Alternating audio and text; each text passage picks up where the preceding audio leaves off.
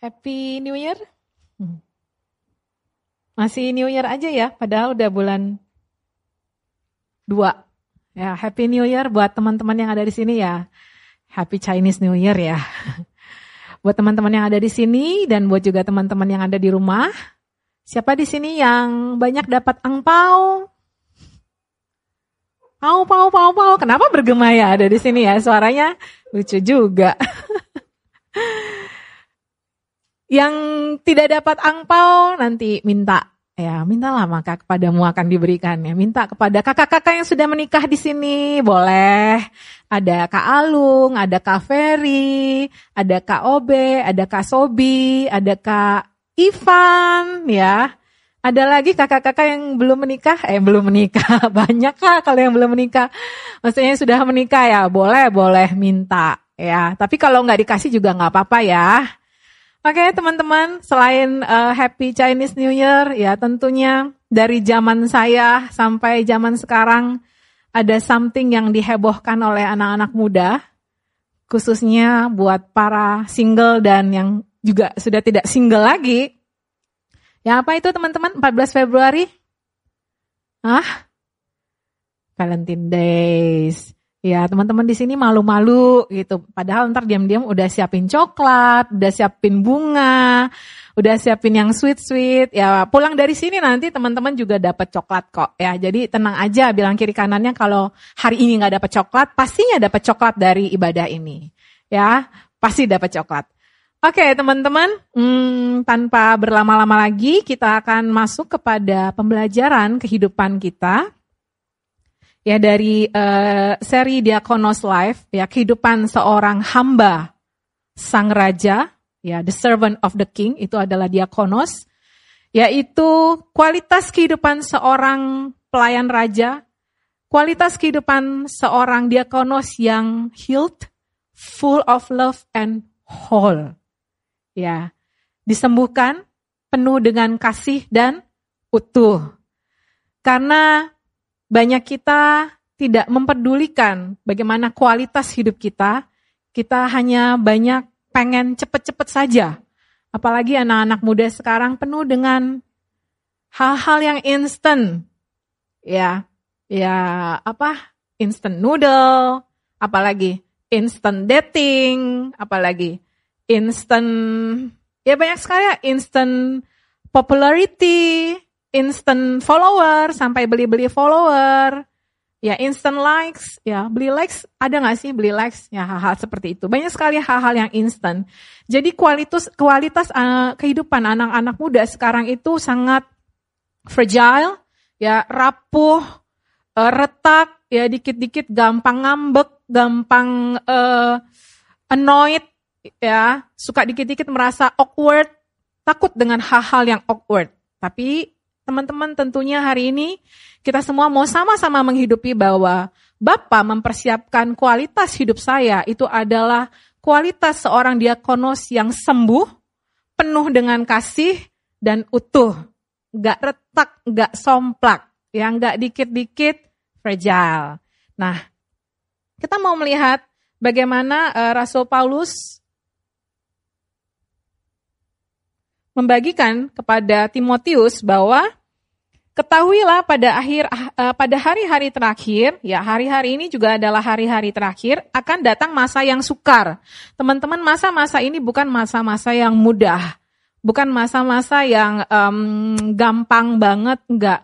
Masa-masa ini adalah masa-masa yang sukar. Teman-teman melihat bagaimana banyak orang struggling dengan sakit penyakit, banyak orang struggling dengan ketakutan, banyak orang struggling dengan financial.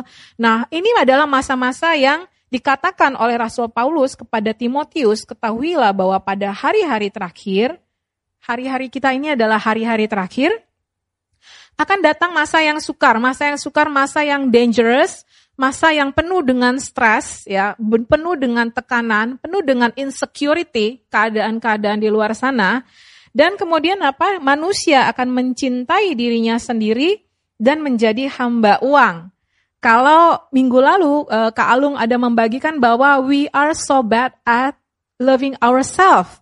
Tapi ternyata ini juga dibahas di Rasul Paulus kepada Timotius bahwa manusia akan mencintai dirinya sendiri dan menjadi hamba uang.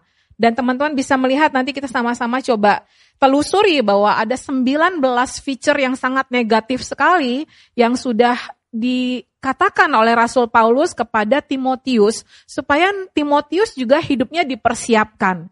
Begitu juga dengan kita sekarang supaya hidup kita dipersiapkan, supaya kita alert supaya kita aware dengan what's happening yang ada di luar sana, what's happening kalau nggak ada di dalam Tuhan, what's happening kalau nggak punya kebenaran, itu adalah masa-masa yang sukar. Dan masa-masa yang sukar ini dimulai dengan satu akar yang sangat deep, satu akar yang sangat berbahaya sekali juga buat manusia, yaitu manusia akan mencintainya, mencintai dirinya sendiri. Ya, remember that we we are so bad at loving ourselves, tapi kita mempertahankan untuk mencintai diri kita sendiri. We define love with what our past will say. Ya, kita mendefinisikan kasih dengan masa lalu kita. Kita mendefinisikan kasih dengan luka kita. Banyak orang mendefinisikan kasih dengan trauma-traumanya. Banyak orang mendefinisikan kasih dengan nonton beberapa film yang berbeda-beda dan kemudian dia mendefinisikan ini adalah kasih versi aku dan dia akan menuntut orang lain untuk mengasihi seperti apa yang dia pikirkan, seperti apa yang dia imajinasikan. Nah, teman-teman, manusia akan mencintai dirinya sendiri dan sibuk mempopularitaskan dirinya. Ya, sibuk untuk gain, bahkan bisa mengorbankan orang lain. Ya, bisa mengorbankan keluarga, bisa mengorbankan kakak dan adik supaya saya mendapatkan keuntungan. Bisa mengorbankan banyak hal, bisa mengorbankan eh, komunitas supaya apa? Supaya saya dibela, supaya saya diprotek. Tapi tentu saja teman-teman, we still bad at loving ourselves. Bapak yang sanggup Bapak yang mengerti bagaimana mengasihi diri saya. Dan kemudian ini diikuti lagi kalau seseorang mencintai dirinya sendiri, dia akan menjadi hamba uang. Ya. Tuhan Yesus waktu ada di dunia ini dia tidak menyamakan membandingkan diri dia dengan uh, petinggi-petinggi dengan pemerintah-pemerintah yang ada pada waktu itu tapi dia dia dia bilang jangan mau mengasihi mamon. Kita tidak bisa melayani Tuhan, melayani Kristus, ikut Kristus, tapi kita juga at the same time kita begitu attach, kita begitu mengidolakan, kita begitu mengasihi uang, kita begitu mencintai uang, itu tidak bisa. Ya, manusia akan mencintai dirinya sendiri dan menjadi hamba uang. Yang penting uang. Ya, diperhatikan uangnya mana, wani piro ya, bahasa bahasanya re ya. wani piro gitu. Dikit-dikit uang, dikit-dikit uang. Dan menjadi hamba uang. Di sosmed yang penting uang. Kemudian kenal si A yang penting uang, kenal si B yang penting uang, menjadi hamba uang. Ada lagi e, mencari apa namanya power statement power statement dari dunia ini dan menaruhnya di uh, sosmed dan mengatakan bahwa uang adalah segalanya. Be at a level that you can buy anything is cheap. Ya, apa itu? Yaitu akarnya adalah cinta uang, teman-teman. Sehingga semuanya dijual, komunitas dijual, ya, teman dijual, apalagi uh, kebenaran juga dijual, apalagi orang tua, adik kakak kalau bisa juga semua dijual, teman-teman. Nah ini kemudian mereka akan membual dan menyombongkan dirinya. They are boasting themselves dan kemudian mereka akan menjadi pemfitnah, ya, karena tidak punya firman, karena fokusnya adalah saya, I am the center of this universe. Jadi e, mereka akan menjadi pemfitnah, mereka akan berontak terhadap orang tua dan tidak tahu berterima kasih. Nah teman-teman, banyak sekali orang melihat bahwa anak-anak muda di zaman sekarang ini bisa lebih galak daripada papa mamanya. Ya, bisa lebih galak. Udah lebih galak, merasa diri korban. Nyambung nggak teman-teman? Ya, udah dia yang lebih galak, dia yang lebih jutek, dia yang lebih sombong, dia yang lebih belagu sama papa mamanya, tapi dia bilang, saya adalah korban papa mama. Jadi teman-teman ini banyak sekali terjadi bagaimana mereka akan menjadi pemfitnah, mereka akan berontak terhadap orang tua dan tidak tahu berterima kasih.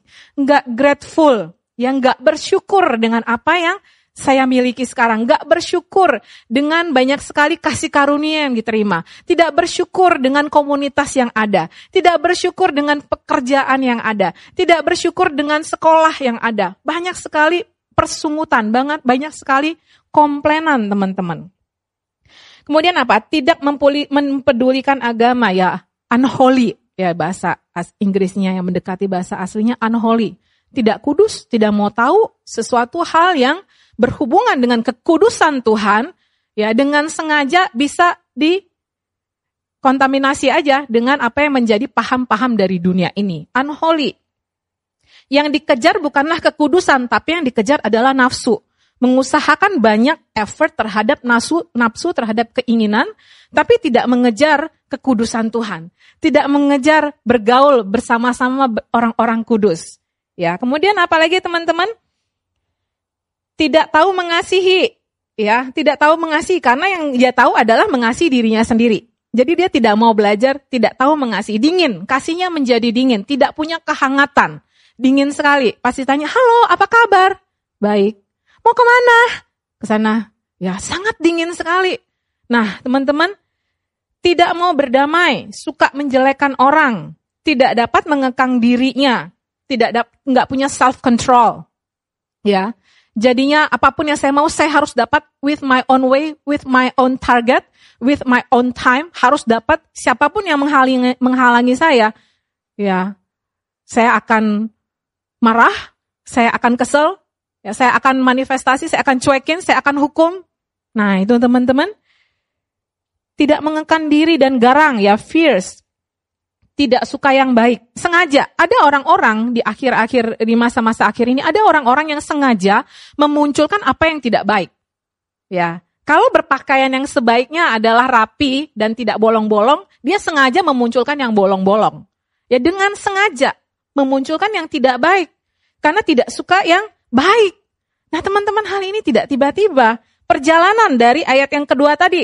Mencintai dirinya sendiri, tek tek tek tek, sampai kemudian apa? Tidak suka yang baik, suka mengkhianat.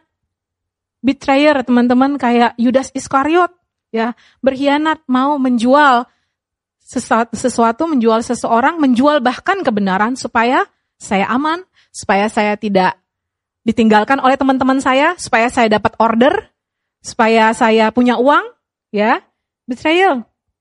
Dan kemudian apa lagi? tidak berpikir panjang, maunya cepat-cepat saja, ya, cepat ganti handphone, cepat ganti apa pun semuanya mau serba cepat, tidak berpikir panjang, berlagak tahu, ya. Saya pikir saya sudah tahu, ternyata saya banyak tidak tahu. Kemudian lebih menuruti hawa nafsu daripada menuruti Allah. Secara lahiriah, secara lahiriah physically, mereka menjalankan ibadah mereka, tetapi pada hakikatnya mereka memungkiri kekuatannya. Firman Tuhan di sini jelas berkata apa? Jauhilah mereka itu. Kak, bukannya kita harus menjangkau mereka, Kak? Ya, kita butuh untuk menjangkau mereka.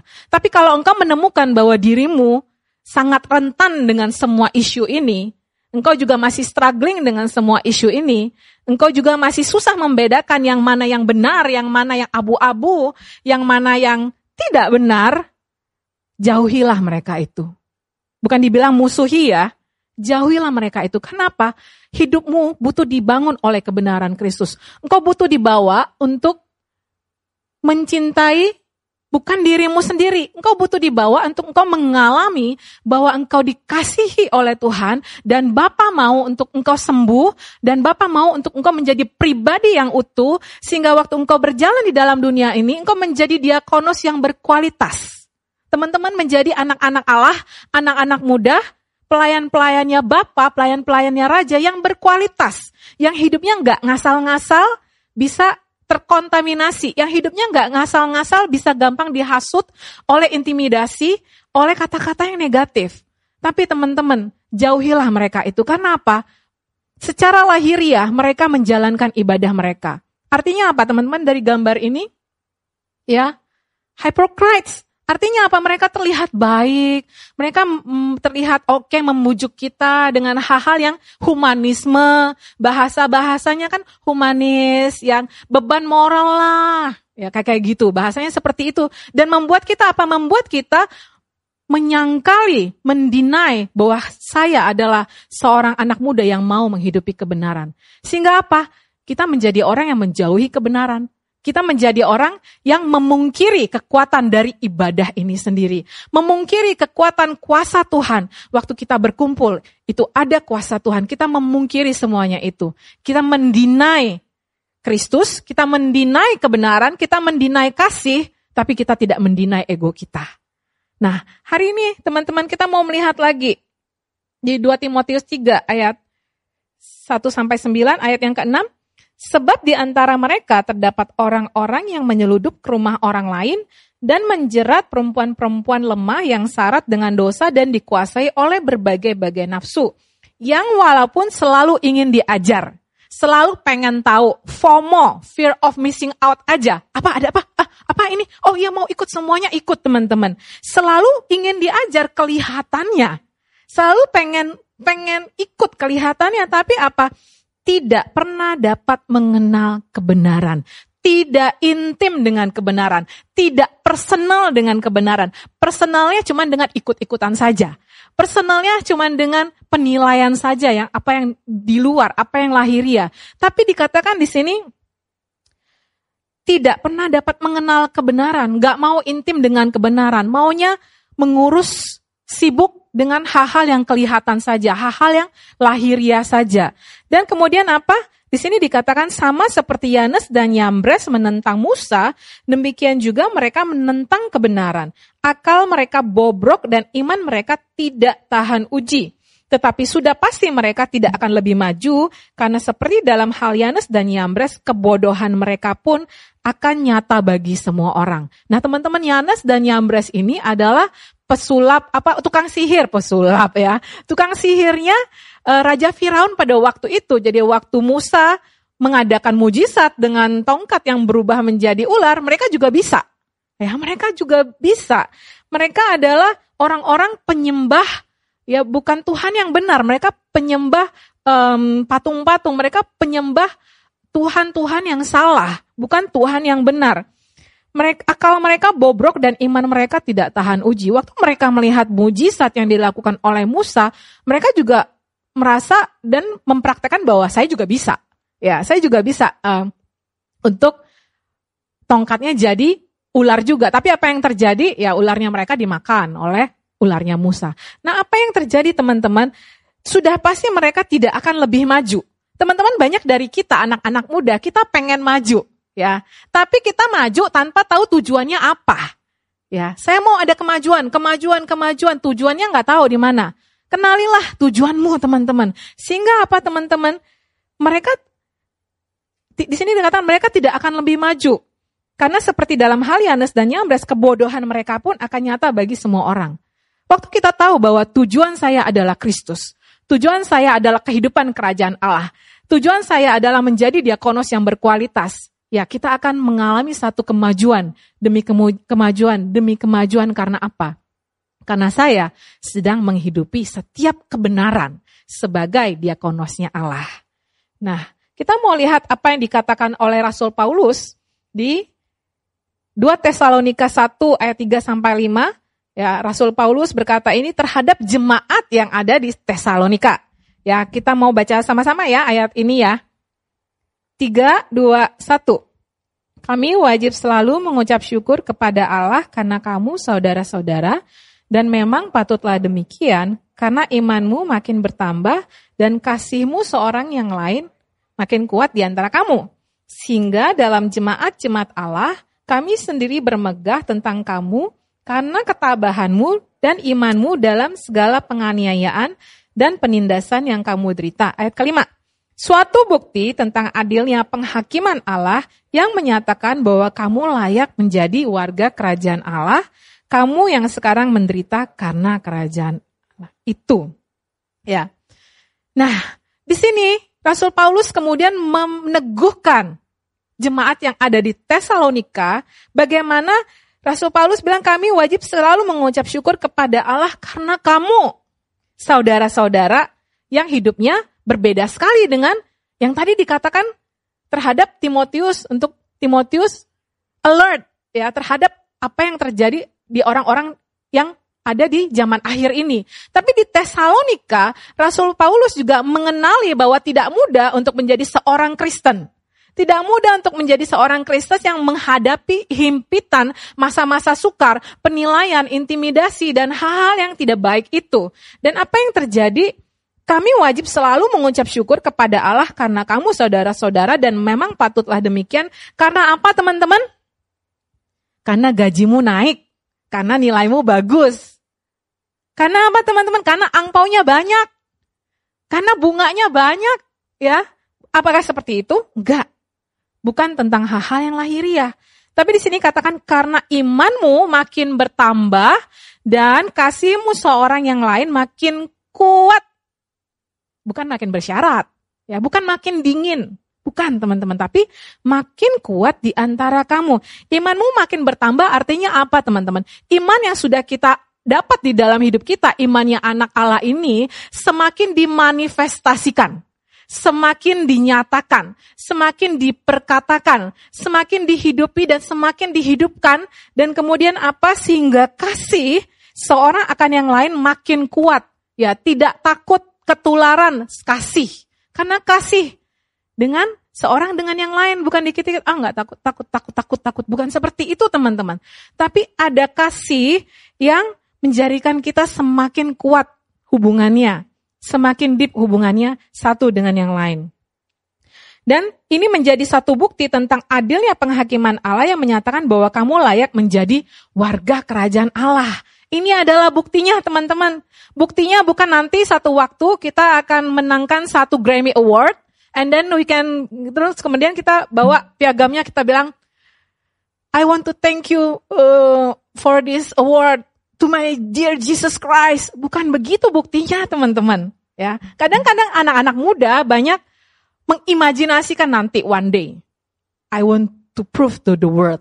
Ya, siapa itu Tuhan? Bukan seperti itu buktinya, teman-teman. Tapi apa? Daya tahan saya di dalam berbagai penderitaan karena kebenaran, bukan karena kelalaian, bukan karena kebodohan, apalagi bukan karena dosa, teman-teman. Karena kebenaran adalah bukti. Nah ini buktinya teman-teman, adalah bukti bahwa saya mewarisi kehidupan Kristus dan diperhitungkan di dalam kerajaan Allah. Ya ini adalah buktinya teman-teman. Teman-teman di luar sana juga ada penderitaan-penderitaan. Orang yang kenal Tuhan, yang tidak kenal Tuhan juga mengalami masa-masa yang sukar. Tapi yang berbeda adalah daya tahan saya, endurance saya dalam berbagai penderitaan, dalam berbagai hal yang tidak ideal ini, dalam berbagai himpitan, dalam berbagai masalah ini karena kebenaran adalah bukti bahwa saya mewarisi kehidupan Kristus. Bukan sekedar warisan-warisan yang bisa uh, dimakan ngengat, ya dibawa kabur, dicuri. Enggak, teman-teman. Tapi adalah bukti bahwa saya mewarisi kehidupan Kristus dan diperhitungkan di dalam kerajaan Allah.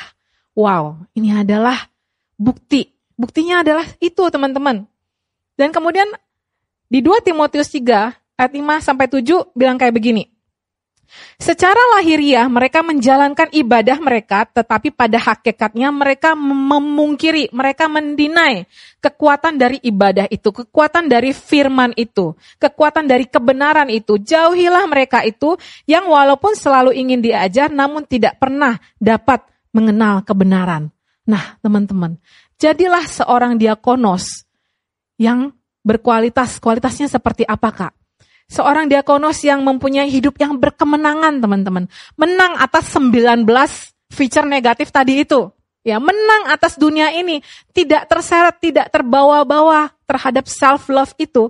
Sehingga apa, teman-teman?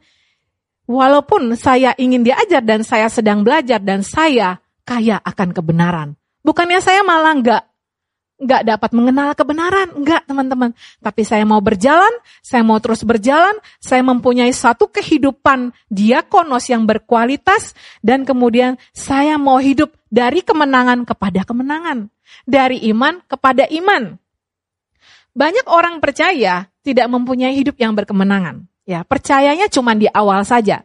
Percayanya kalau banyak hal yang baik saja.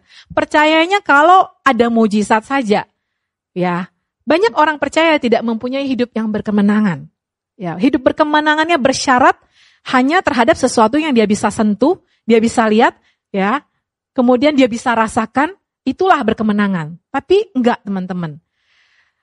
Banyak orang percaya tidak mempunyai hidup yang berkemenangan karena mereka datang kepada Tuhan hanya untuk mengejar dan mendapatkan hal-hal yang lahiriah, sehingga mereka berhenti kepada keinginan diri, kepada ego, bukan keinginan Tuhan yang adalah Raja.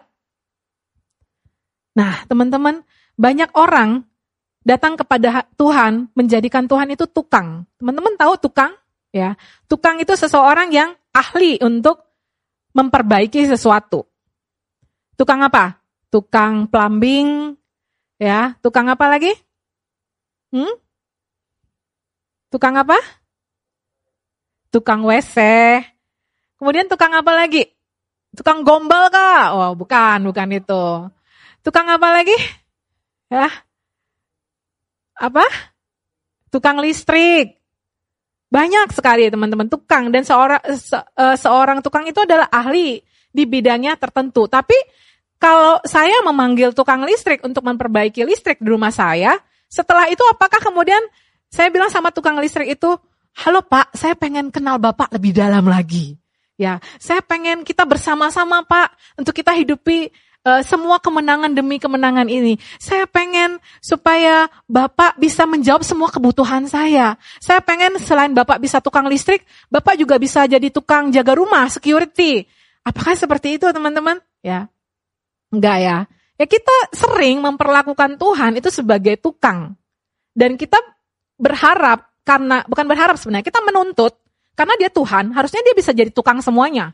Tukang cari jodoh, tukang uh, jawab doa apa pun, tukang pawang hujan, ya, tukang apa lagi?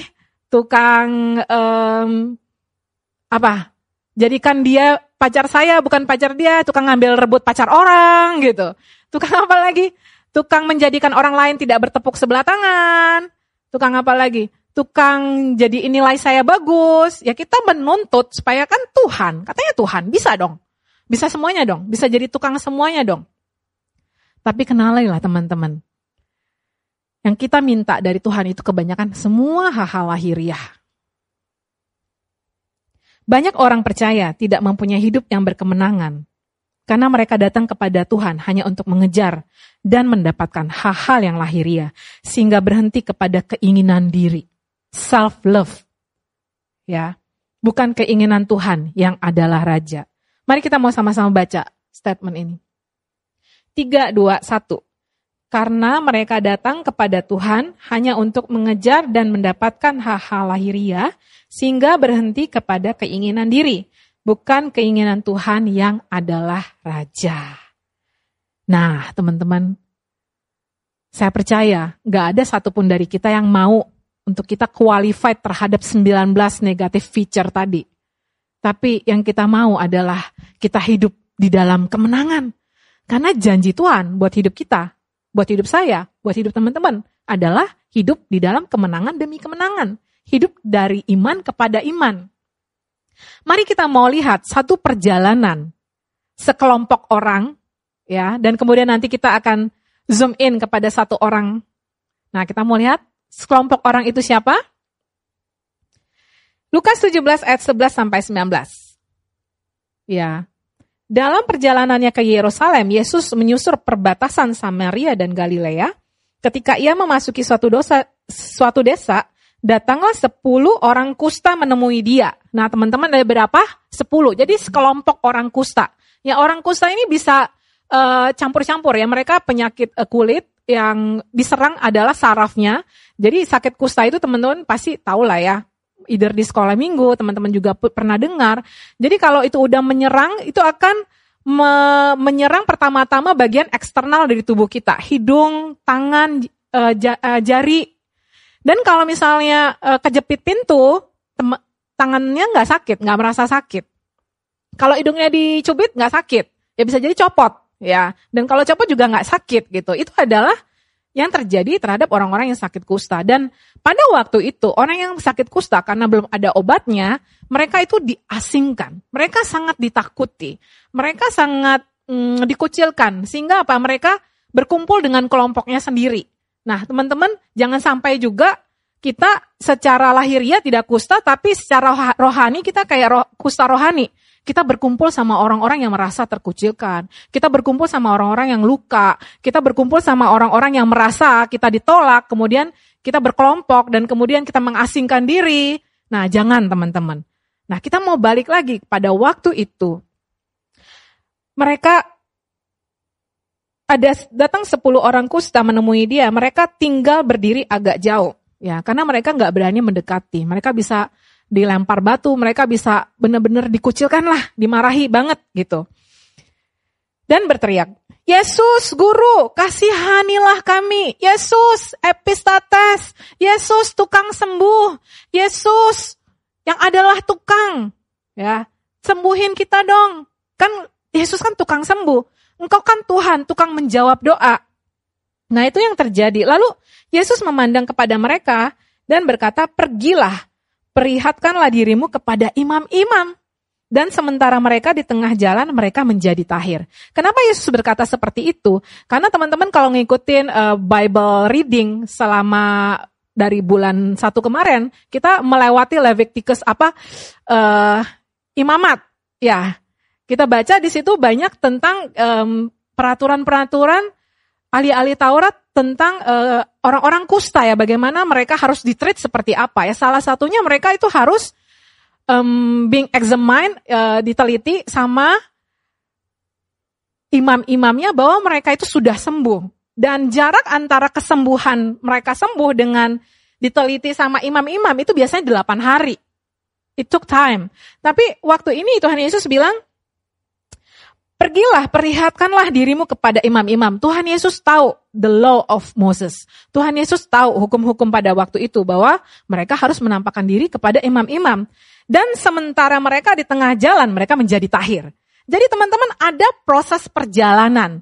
Bukan berarti itu kayak spontaneously waktu Tuhan Yesus bilang, sembuh mereka jadi sembuh. Khusus untuk hal ini dan ada satu kisah lagi yang orang buta waktu itu juga seperti itu ada kisah perjalanan. Walaupun ada beberapa uh, kejadian kesembuhan, Yesus itu langsung on the spot sembuhin beberapa orang. Tapi khusus hal ini, Tuhan Yesus bilang, hmm, pergilah, perlihatkanlah dirimu kepada imam.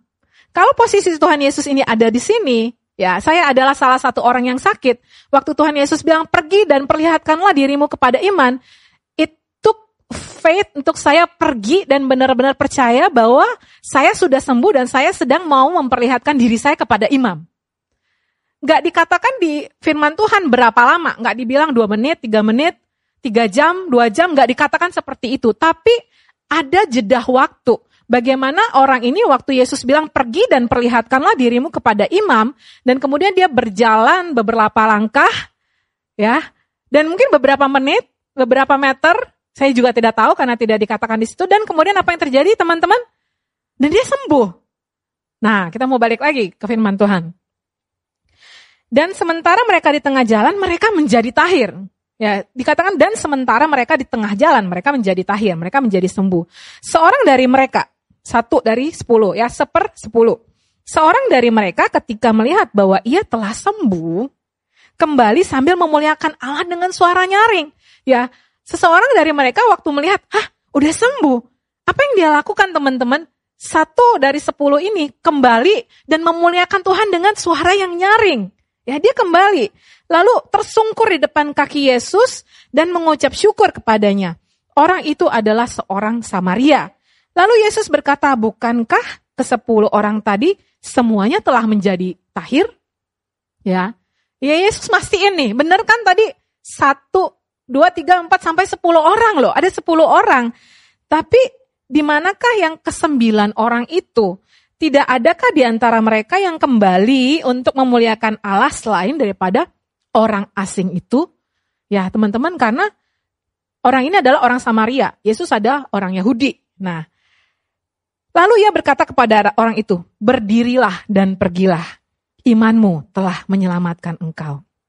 Teman-teman, ini adalah salah satu kisah bagaimana orang Samaria ini adalah orang yang tidak hanya berhenti menjadikan Yesus sebagai tukang penyembuh, tukang penjawab doa di dalam hidupnya dia. Tapi dia juga adalah orang yang mau terus melihat bahwa ada tuntunan perjalanan iman. Ya, kita bisa memulai dengan iman nih. Waktu Yesus bilang, Pergi dan tunjukkanlah dirimu kepada imam-imam. Ya, ada perjalanan iman, ada langkah imam iman untuk dia pergi. Tapi dia tidak hanya berhenti untuk dia subjek untuk dia submit kepada hukum waktu itu, law waktu itu.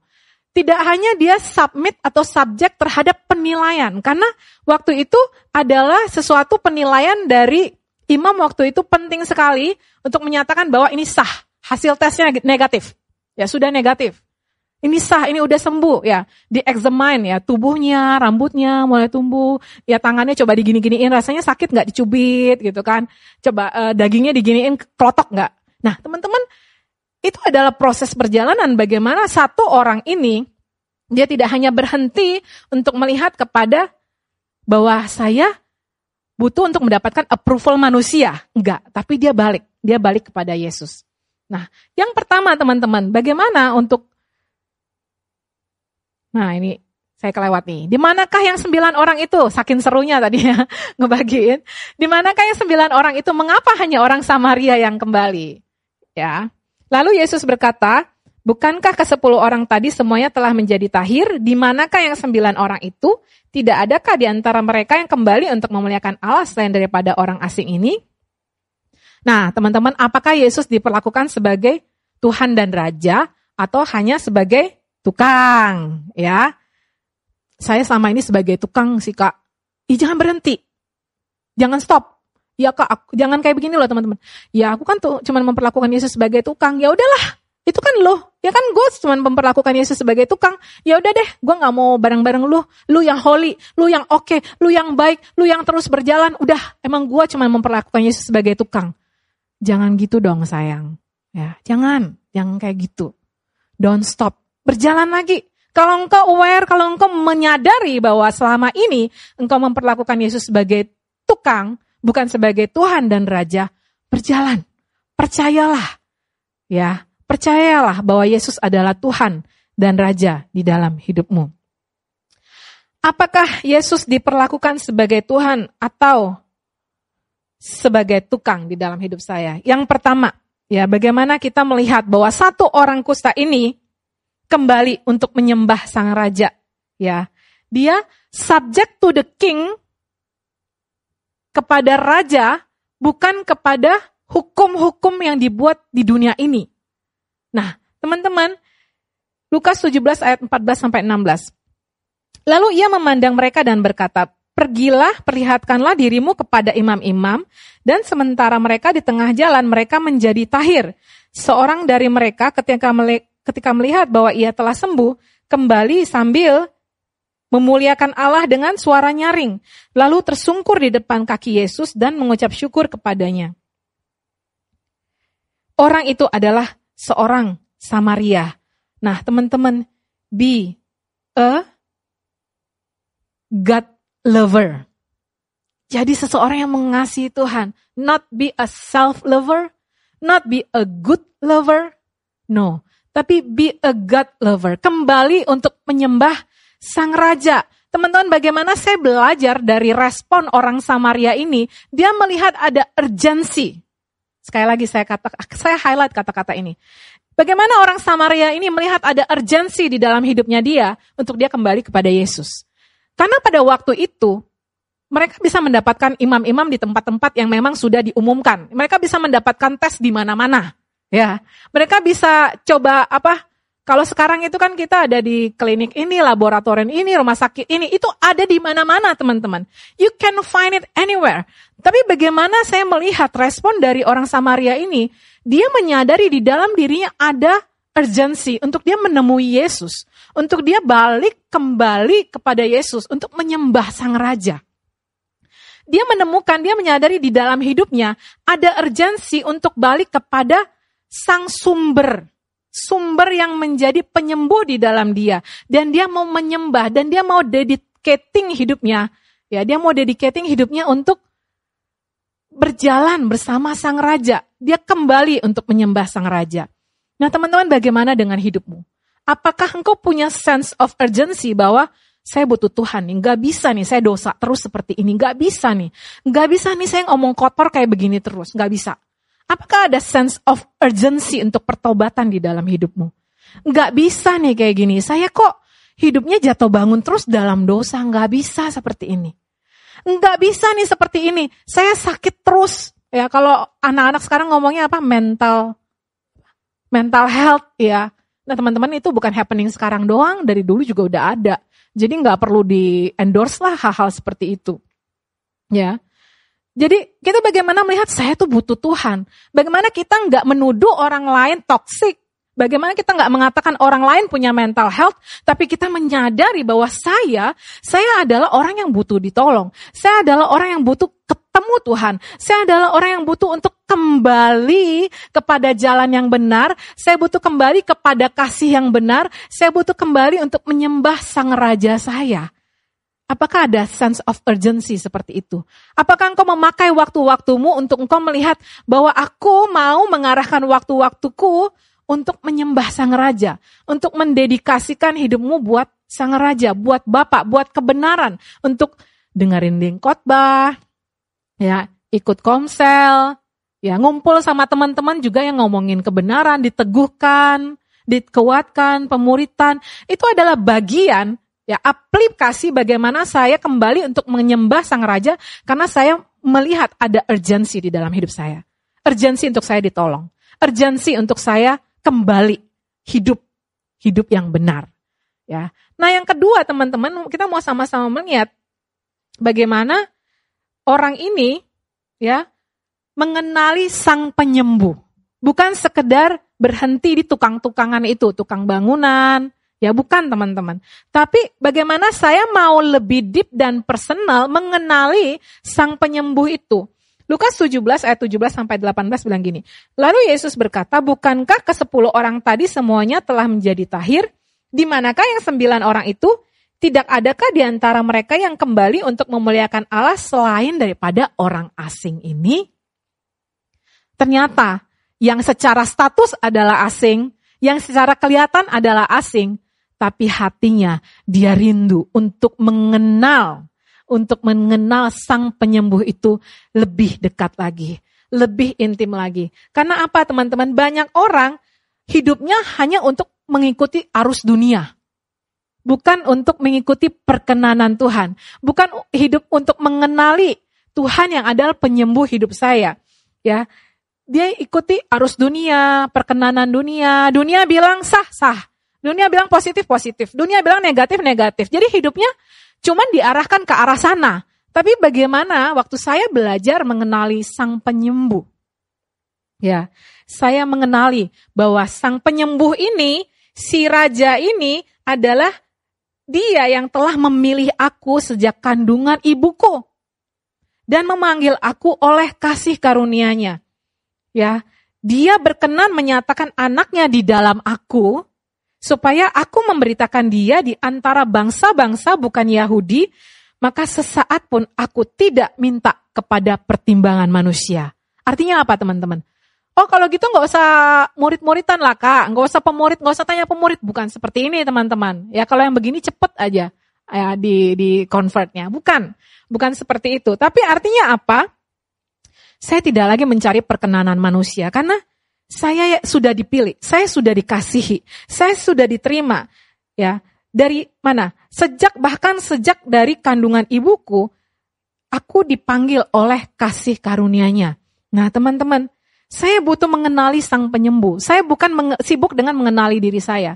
Banyak anak-anak Tuhan mengenali dirinya self observation hanya dengan apa? Kisah-kisah hidup-hidup orang lain yang nggak ada firmannya. Waktu kisahnya cocok, dia orang yang terbuli, dia orang yang terasingkan, dia anak yang minder, dia ditolak, kemudian waktu dia terus mau belajar, ya terus mengejar karir, dan kemudian apa? Boom! Dia ada di puncak karirnya. That's me. Dan kita merefleksikan kehidupan dia, bahwa kehidupan saya satu waktu akan seperti itu. Karena aku adalah anak minder. Karena aku adalah anak tertolak. Karena papa mamu, mamaku juga nggak oke. Okay. Nah teman-teman self-reflection seperti itu tidak oke, okay, tidak benar. Karena sumbernya, drive-nya bukan kasih Tuhan. Sumbernya adalah apa yang dunia ini coba taruh di dalam hidupmu. Sehingga apa teman-teman? Banyak orang coba mendalami dirinya, bukan dengan firman. Gelap. Karena firman itu adalah pelita bagi kakiku dan terang bagi jalan-jalanku. Jadi waktu engkau coba self-reflection, evaluation, apalagi introspection, and when there is no words of God, it's emptiness.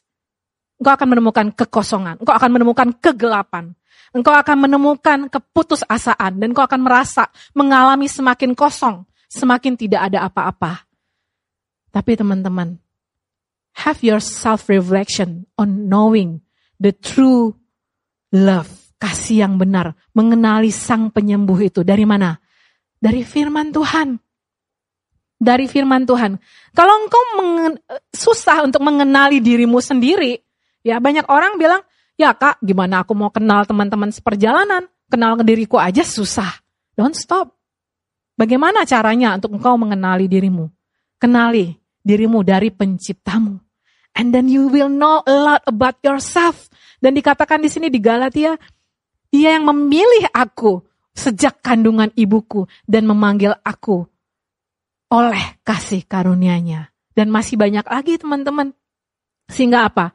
Kita tidak minta approval, kita tidak minta like, like, like, like, like dari orang-orang tertentu, enggak. Tapi kita teguh melihat bahwa self-reflection saya, kaca hidup saya ada di firman Tuhan. Dan saya mengenali sang penyembuh itu yang mengasihi saya. Sehingga apa teman-teman? Saya menjadi orang yang penuh dalam kasih. Bukan penuh tuntutan. Bukan penuh penghukuman. Bukan penuh penilaian. Bukan penuh dari penolakan yang dunia ini ya sering packagingnya dengan hal-hal humanis seperti itu. Enggak teman-teman. Tapi kita penuh di dalam kasihnya Bapa yang mengasihi saya. Bahkan sejak di dalam kandungan ibuku. Dia memanggil aku oleh kasih karunia-Nya. Poin yang ketiga teman-teman, menjadi pribadi yang utuh.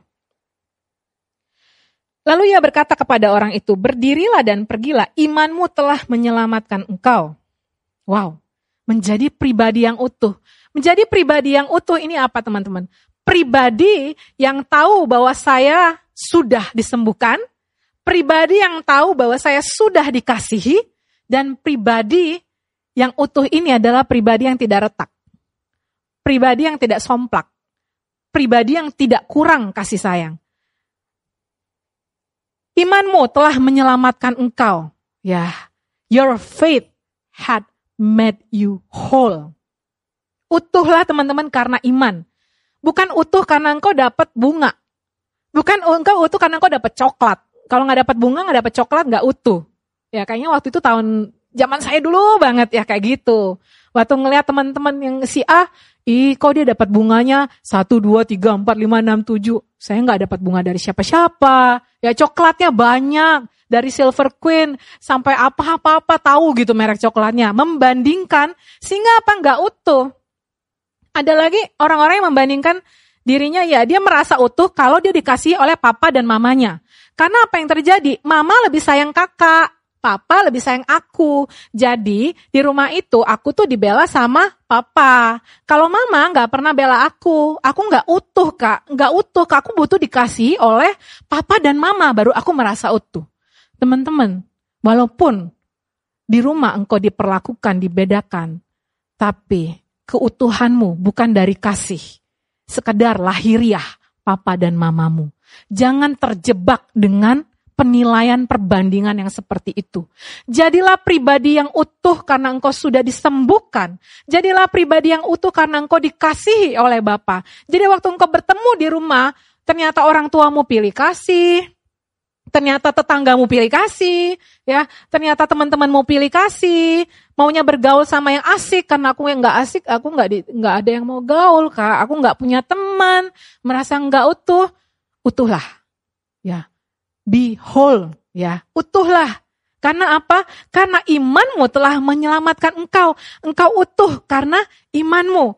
Karena itu saudara-saudara, pilihlah tujuh orang dari antara kamu yang terbukti yang terbukti baik, penuh dengan roh, ya.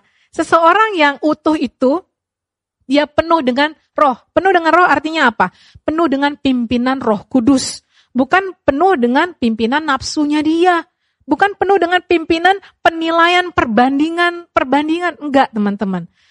Nah hari ini teman-teman, apakah saya mau melihat bahwa saya adalah seorang yang disembuhkan. Saya adalah seorang yang dikasihi dengan penuh dan saya adalah orang yang utuh. Untuk menjadi pelayan raja, tidak cukup hanya mengalami kesembuhan. Gak cukup teman-teman. Karena itu physically, hal yang lahiriah. Tetapi saya perlu penuh di dalam kasih. Dan berlimpah. Ya, overwhelm dalam kehidupan Kristus. Banyak kita suka pakai kata overwhelm ini, overwhelm dengan masalah, overwhelm dengan kerjaan, overwhelm dengan uh, semua kejadian-kejadian yang ada, ya. Correct your overwhelm dan arahkan ke dalam kehendak Tuhan bahwa berlimpah dalam kehidupan Kristus. Dan untuk itu, saya perlu menjadi pribadi yang utuh. Mari kita mau sama-sama baca Efesus 3 ayat 19. 3, 2, 1. Dan dapat mengenal kasih itu, sekalipun ia melampaui segala pengetahuan. Aku berdoa supaya kamu dipenuhi di dalam seluruh kepenuhan Allah. Ya teman-teman, lihatlah bahwa kualitas hidupmu sedang dibawa untuk menjadi seorang diakonos, menjadi seorang pelayan raja yang kualitas hidupnya adalah healed, disembuhkan, full in love, penuh dalam kasih, kasih yang benar, dan kemudian apa? Utuh. Sehingga apa teman-teman? Waktu kita berjalan di dalam masa-masa yang sukar ini, kita tidak tergoda, kita nggak terdistract dengan keadaan-keadaan dunia. Kita tidak terseret bahwa dunia ini sedang lenyap dengan keinginannya. Tapi seorang yang mengenal Allahnya, dia akan tetap kuat dan bertindak. Mari kita mau sama-sama bangkit berdiri.